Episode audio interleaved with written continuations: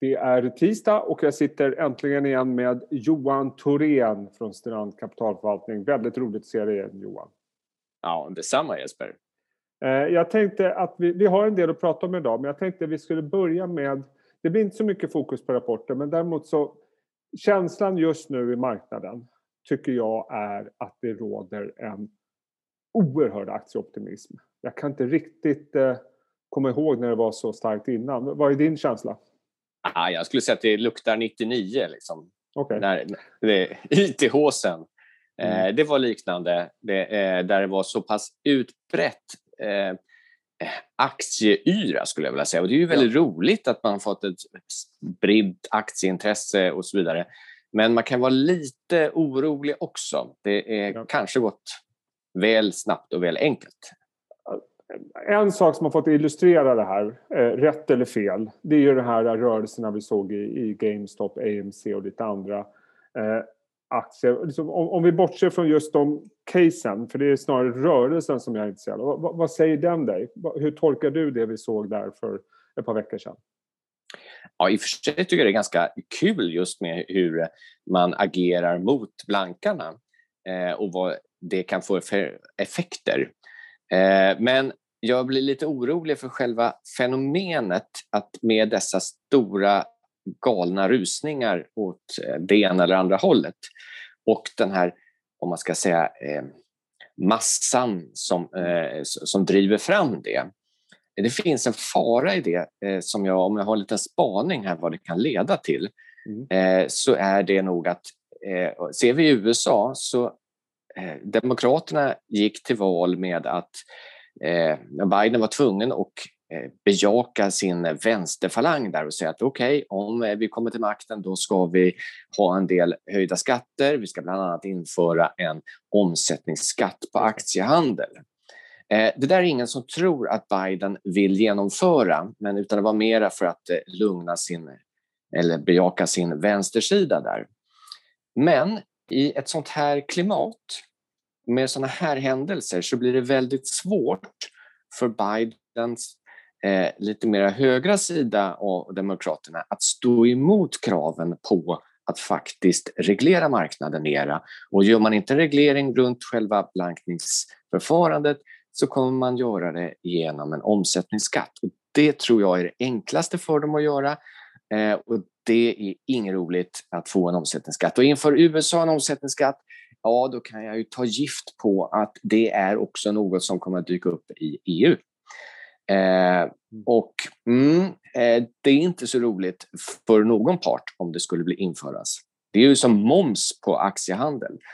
Det hade pratats om så eh, Demokraterna inför valet så sa man att de skulle införa en omsättningsskatt på 0,2 procent på omsättning, eller på varje transaktion. Så att eh, det, är, det känns, eh, tycker jag, lite risky. För, för, min känsla är att allt, nu har vi haft den här fantastiska börsutvecklingen un, under lång tid och eh, min känsla är att reglerare kanske är mer reaktiva än proaktiva. Eh, rätta mig om jag har fel, jag, jag har liksom ingen data på det men det är min känsla. Eh, tror du att när vi ser de här eh, stora rusningarna och, och så vidare att det låter på dig som att risken för fler regleringar oavsett om det är omsättningsskatt eller om det är eh, regleringar mot blankare eller om det är regleringar mot gamifiering av, av aktiehandel som vi har sett i USA. Eh, den risken tror du har ökat då? Eller? Ja, men definitivt. Så jag har svårt att se vilka politiker det är som inte skulle eh, e-, eller som skulle kunna stå emot sådana krafter som vill då reglera det. Så att, ja, det, den har definitivt ökat. Och vi ska komma ihåg att eh, om vi tittar långt tillbaka i historien så har ju faktiskt blankning varit förbjuden i Sverige under lång, lång tid. Det var från Krügerkraschen.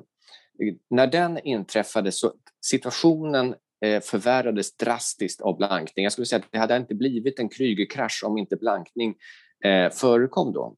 Då förstod man att det här måste regleras eh, och eh, man till och med förbjöd det då i Sverige ända fram till 91 när eh, den borgerliga regeringen som jag själv då ingick i som en väldigt ung sakkunnig, dock inte inom finansiella frågor, så att jag var inte inblandad i det här beslutet. Och att då släppa, eh, tillåta blankningen, det tycker jag var helt rätt. Men jag måste säga att mina kollegor i regeringskansliet var kanske något för liberalt eh, eh, naiva genom att släppa det helt fritt utan någon form av restriktion. Man kunde åtminstone ha tittat på hur man i USA under alla år som man har låtit det vara tillåtet, att då har man successivt reglerat det. Nej, det skulle vi inte göra i Sverige, vi skulle vara helt fritt. Så att där, du sa att man kanske skulle vara reaktiv eh, istället för att komma lite, eller eh, tänka lite längre proaktiv istället för reaktiv i sitt eh, reglerande. Ja, jag skulle säga att det viktigaste är att man faktiskt är något analytisk i sitt ja. reglerande. Ja, eh, intressant, får se vad som händer. Men, men eh, optimism har vi hur som helst och då är frågan om Q4-perioden har eh, gjort marknaden ännu mer optimistisk. När man tittar på utfallet så är omsättningen som aggregat är ungefär som väntat. Resultatet ser ut att vara väldigt mycket bättre än väntat. Men kursreaktionen har i genomsnitt varit negativ. Eh, vad säger du om Q4? Är det någonting som spär på optimismen eller har den ökat oron lite grann? Jag tycker generellt så, så var rapporterna ganska bra. Mm. Eh, bättre än vad jag hade förväntat mig faktiskt. Och, eh, eh däremot kan man se ganska konstiga rörelser. Det var, kunde vara rapporter som var kanonstarka men som ändå handlades ner ordentligt första dagen eh, och kanske andra dagen också. Men dag två eller tre så är de uppe igen på högre nivåer. Det, det där såg jag vid flera tillfällen. Eh, och I vissa papper finns förklaringen i att det finns större institutioner som vill passa på att sälja sina aktier i Eh, det läget som då har kommit. Och då kanske det är en aktie som inte är så stor omsättning i. Då väljer man att oavsett hur rapporten blir så ska man sälja för det är under rapportdagen där det är större omsättning man kan få ut mer aktier. Så att man kunde nästan se det, tycker jag, att det, var, det såldes på ganska ordentligt eh, när, trots bra rapporter. Man var inte så intresserad från institutionellt håll hur själva rapporten såg ut, utan det var mer att få likviditet så att, eh, och det är kanske ett orostecken i sig. Någonting jag hade önskat i den här äh, rapporterna som vi såg väldigt lite av, det är ju faktiskt att bolagen gick ut och på ett ungefär sa hur mycket neddragna kostnader på grund av corona, och då tänker jag på resor, representation, mäster och så vidare, påverkade resultatet. För att min känsla är att resultatet definitivt har påverkats positivt av att eh, kostnader ja. har gått ner så mycket. Och det är väldigt få bolag som har pratat om det och jag ser en risk för att eh, marknaden kanske drar upp den här marginalprognosen lite väl mycket. Eh, att man liksom inte riktigt har analyserat det. Nej, och när pandemin är, är över så kommer givetvis kostnadssidan att växa upp mm. igen. Kanske inte lika högt som den var innan eh, av olika skäl, men, men den kommer definitivt eh, äta på marginalen. Och du har oerhört mycket eh, du måste ta igen i marknadsföring, i säljinsatser och så vidare. Så att, eh, till viss del finns det också en uppdämd kostnadsmassa som ska tas. Mm. Så att jag håller med dig där. Man ska vara beredd på den eh, kostnadsökningen som kommer att komma. Senast du och jag träffades så pratade vi om utdelningar och vikten av dessa. Nu känns det som att utdelningen är på väg tillbaka och vi går in i en utdelningsperiod här. Vad brukar det säga om börsen? Eh, alltså timingmässigt så vidare när vi får de här. För när vi ändå pratade om att eh, vi har optimism på marknaden. Ja, men det, det ger ju fantastisk styrka till börsen för att eh, det är i den lågräntemiljö vi lever i mm. så får du ingen som helst avkastning egentligen på räntesidan om du inte tar stor risk. Eh, så att vi, då söker sig väldigt mycket kapital som egentligen är räntekapital in i aktiemarknaden för att få tillgång för utdelningarna. För att väldigt många då förvaltare inom eller stiftelser, vad det är för någonting, måste räkna vad man får för avkastning på sitt kapital. Och då är det antingen, ränteintäkter, det får man då inga längre, eh, eller utdelningar från aktier. Och då måste man, när man inte får några ränteintäkter, så måste man gå in på utdelningarna och då köper man aktier som ger, eh, har en hög utdelningsandel inför utdelningarna och säljer därefter. Och vi kan se det mönstret. Ta fram grafen på eh, Stockholmsbörsen de senaste fem åren så kan man se väldigt tydligt från det att vi fick den här extremt låga ränta mm. så har vi ett extra starkt stöd i aktiekursutvecklingen fram till utdelningarna. Eh, så jag tror att vi har definitivt, eh, vi kommer inte se någon större rekyl i aktiemarknaden här från utdelningsperioden är passerad åtminstone. Ja, intressant. Och själv då, hur, hur tänker du själv nu? Hur ser portföljen ut eh, vad gäller aktievikt? Vi har dragit ner aktievikten eh, ändå eh, till ungefär 80 procent i småbolagsfonden. Okay. Och vi, det kanske låter som att man har hög aktievikt, men för att vara en aktiefond mm. så vi är ju då en specialfond så vi kan variera vår aktievikt på ett annat sätt än normala aktiefonder. Så vi kan nästan säga att vi är en form av blandfond. Okay. Men det, vi tycker att det finns så pass många signaler just nu som ändå tyder på att vi är någonstans i, i, i, i lite ett överhettat läge. Vi har förutsatt att vi kommer att få en riktigt bra konjunkturåterhämtning. Vi har förutsatt att vaccinet fungerar eh, och att vi alla egentligen kommer att vara happy och gå tillbaka till normalt liv senast i höst. Eh, och jag hoppas innerligt att detta så blir fallet. Men jag är inte helt övertygad. För att det som gör mig lite orolig är att vi, har, vi är så övertygade om detta. Och det är sällan det blir, vare sig det är börsen eller på annat sätt, så som man tror att det ska bli. Eh, och då finns det inte så stort utrymme, tycker jag, i eh, eftersom vi redan har liksom kursmässigt tagit ut den här segern. Så jag tror att det finns utrymme för att det finns lite oro och besvikelserekyler i marknaden. Jag tror hela börsåret kommer bli ganska bra i slutändan men det kommer inte vara en spikrak linje utan det kommer vara en hel del eh, svängningar och ett par större sättningar. Då vill jag ha kassa för att agera i dem. Okay.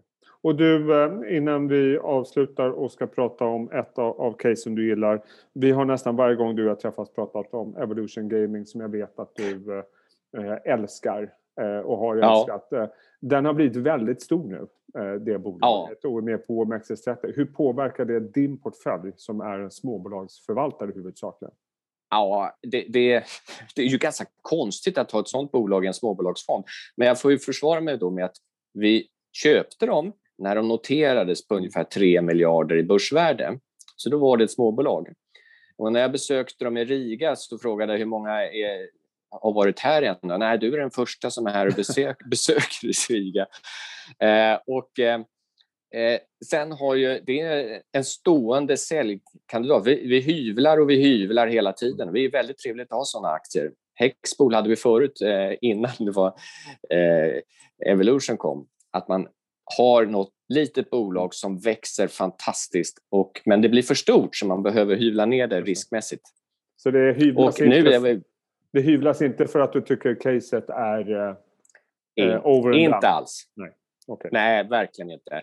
Eh, något som är kul att säga, vi köpte det då när det var börsvärde 3 miljarder. Mm. Idag så tjänar de ju typ en miljard i kvartalet. Det är ganska fin utveckling. ja, det är en, en oerhört imponerande utveckling av det bolaget. Vad, vad är det? Det är väl är det tionde största bolaget på börsen nu? Börsvärdet. Något sånt där. Det, jag vågar inte säga det. Men, nej, men det, det har vuxit något enormt. Väldigt imponerande. Men du, jag tänkte vi ska avsluta med ett litet mindre bolag.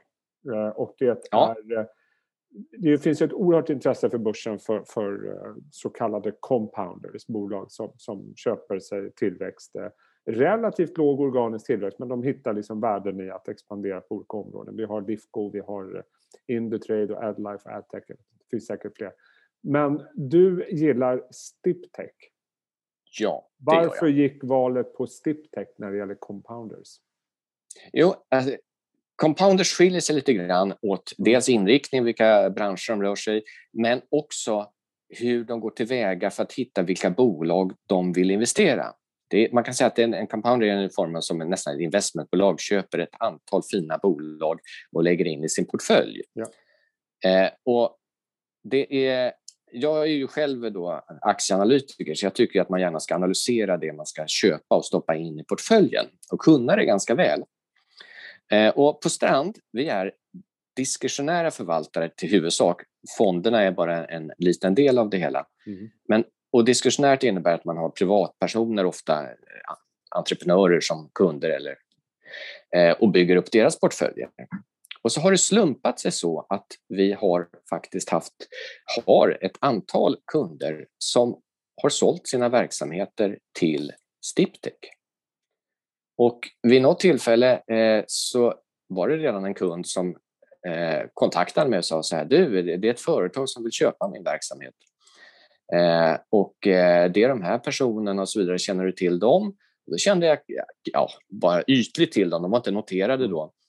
Eh, men jag följde med i liksom, processen hos den här kunden. Hur gick eh, processen för, från köparens sida håll att granska bolaget som den här kunden hade? Ja. Och då kunde jag se att ja, kunden blev ju smått gråhårig på kuppen och för att de var så otroligt noggranna. De skulle vända på varenda sten och eh, granska bolaget utan och innan. Och det där, det tyckte jag, och det var en lång process. Det är precis så där man ska göra om man ska köpa ett bolag. Men, men eh, tycker eh, du att det min mening. Men, men, tycker du att den, eh, alltså jag inbillar mig att är du ute och har som strategi att köpa andra bolag så gör man alltid en, en ordentlig due diligence. Men du tycker ja, det skulle man ju kunna tro. Men, ja. men när man träffar eh, då ledningar för andra compounders, jag ska inte nämna några namn, eh, men så ställer man frågan, jaha, ni har köpt åtta bolag senaste halvåret. Eh, hur länge har ni känt till de här bolagen? Hur länge har ni jobbat med analysen på dem? Ja, nej, ja, sju av dem hade jag aldrig hört talas om för ett halvår sedan. Eh, mm. men nu jäklar, nu ska vi köpa ännu flera bolag. Jaha, hur lång analystid lägger ni ner på varje bolag då? Ja, det är fyra dagar, men vi försöker korta ner det så att det ska bli två till tre dagar. Eh, jaha, okej. Okay. För min del så reser det alla möjliga varningsflaggor. Alltså ett sånt bolag kan ju, alltså de kan ju vara så fantastiskt duktiga som jag inte alls är, att göra sådana mm. snabba analyser. Jag kan inte annat än att applådera dem till det. Men jag, långsiktigt så vågar jag inte vara med på det tåget. Stiptech däremot, där gör man ordentliga analyser och kan bolagen utan och innan när man köper dem. Ja, det är ju intressant för marknaden premierar ju förvärv idag, är min uppfattning. Och, och nästan vad man än köper och det har vi sett i flera branscher. Jag minns ju en tid när vi hade också en annan typ av compounders på visserligen mycket högre nivå. Getinge, Gambro, Securitas, Assa tror jag. Eh, om inte jag minns helt fel så premierades de också väldigt mycket tills det var någonting som gick snett. Och det räckte ofta med ett förvärv som inte gick som planerat eller att man började ifrågasätta goodwill-poster och så vidare. Och då var den resan över till, till viss del. Eh, är det sådana risker du ser i en sån här bransch? Det är därför du vill ha ett bolag som... Ja, men alltså, självklart. För att oavsett om du gör analysen noggrant eller slarvigt, även om du mm. gör det noggrant så kommer du ibland eh, göra misstag i de köpen. Ja. Den blev inte så bra som man hade trott. De som gör en slarvig analys har väldigt svårt att se att de skulle ha mindre misstag i när man köper in bolagen. Utan misstag görs, kommer att ske i alla typer av compounders. Men eh, det är ju frågan om antalet och digniteten av dem. Och, eh, eh, så att, eh, aktien har ju gått eh, oerhört starkt som många andra av de här bolagen. Eh, den har trillat ner lite grann sen rapporten som kom för några dagar sedan. Eh, vad tror du, den nedgången, beror den egentligen bara på lite vinsthemtagning som du var inne på tidigare i samband med rapporten eller var det någonting annat? Marginalen ja. var lite lättare. Jag skulle säga att det är framförallt vinsthemtagningar i det. Eh, jag var inte, det, det man har hållit en hög förvärvstakt mm. och, och eh, det kommer man fortsätta göra. Man har muskler till det och man har, eh, tycker jag, väldigt väl inarbetat management för det. Okay. Eh, och det, man är in, inriktad också mot en, en, nisch av bolag som jag tycker är intressant. Liksom urban eh, infrastruktur, säger man det. Det är lite luddigt kanske, men, men med tilt mot säkerhet där det gäller eh, om det är så är säkerhet när det gäller eldistribution eller avloppsvatten eller om det gäller eh, det, det, kan vara eh, olika former av, av eh, service och annat som mm. är liksom förutsättningar i den urbana eh, miljön. IT-säkerhet också för den delen. Mm. man har gjort flera förvärv i England under den senaste tiden. Eh, och det här har ökat intresset hos engelska kapitalförvaltare och investerare för man ser en hel del av det flöde eh, eh, som kommer in i aktierna som, så är det brittiska köpare. Och det är alltid bra när utlänningar kommer och får upp ögonen över, över ett svenskt, särskilt då lite mindre bolag. Ja. Eh, och det man har köpt senast, det är typiskt inriktning på det här, det är GAH, eh, ett bolag som gör kylutrustningar för eh, mindre bilar, transportbilar, eh, som ligger då i trenden utifrån att bli allt mycket mer att man får mat levererad hem till dörren. Eh, och det är en, liksom en, en paradigmskifte egentligen hur vi konsumerar.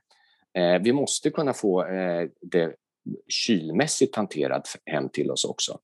Nu eh, så en del av de eh, vaccinen som inte kräver de här absolut kallaste eh, hanteringen kan också köras i de här bilarna, vilket ökar intresset. Ja, eh, väldigt intressant. Det ska bli kul att följa den här bolagen och det ska framförallt bli väldigt roligt att följa den här eh, väldigt optimistiska marknaden. Eh, Johan Thorén, det är alltid lika kul att träffa dig. Jag hoppas vi ses snart igen. Ja, men detsamma Jesper. Ha en fin vecka. Ha det så gott.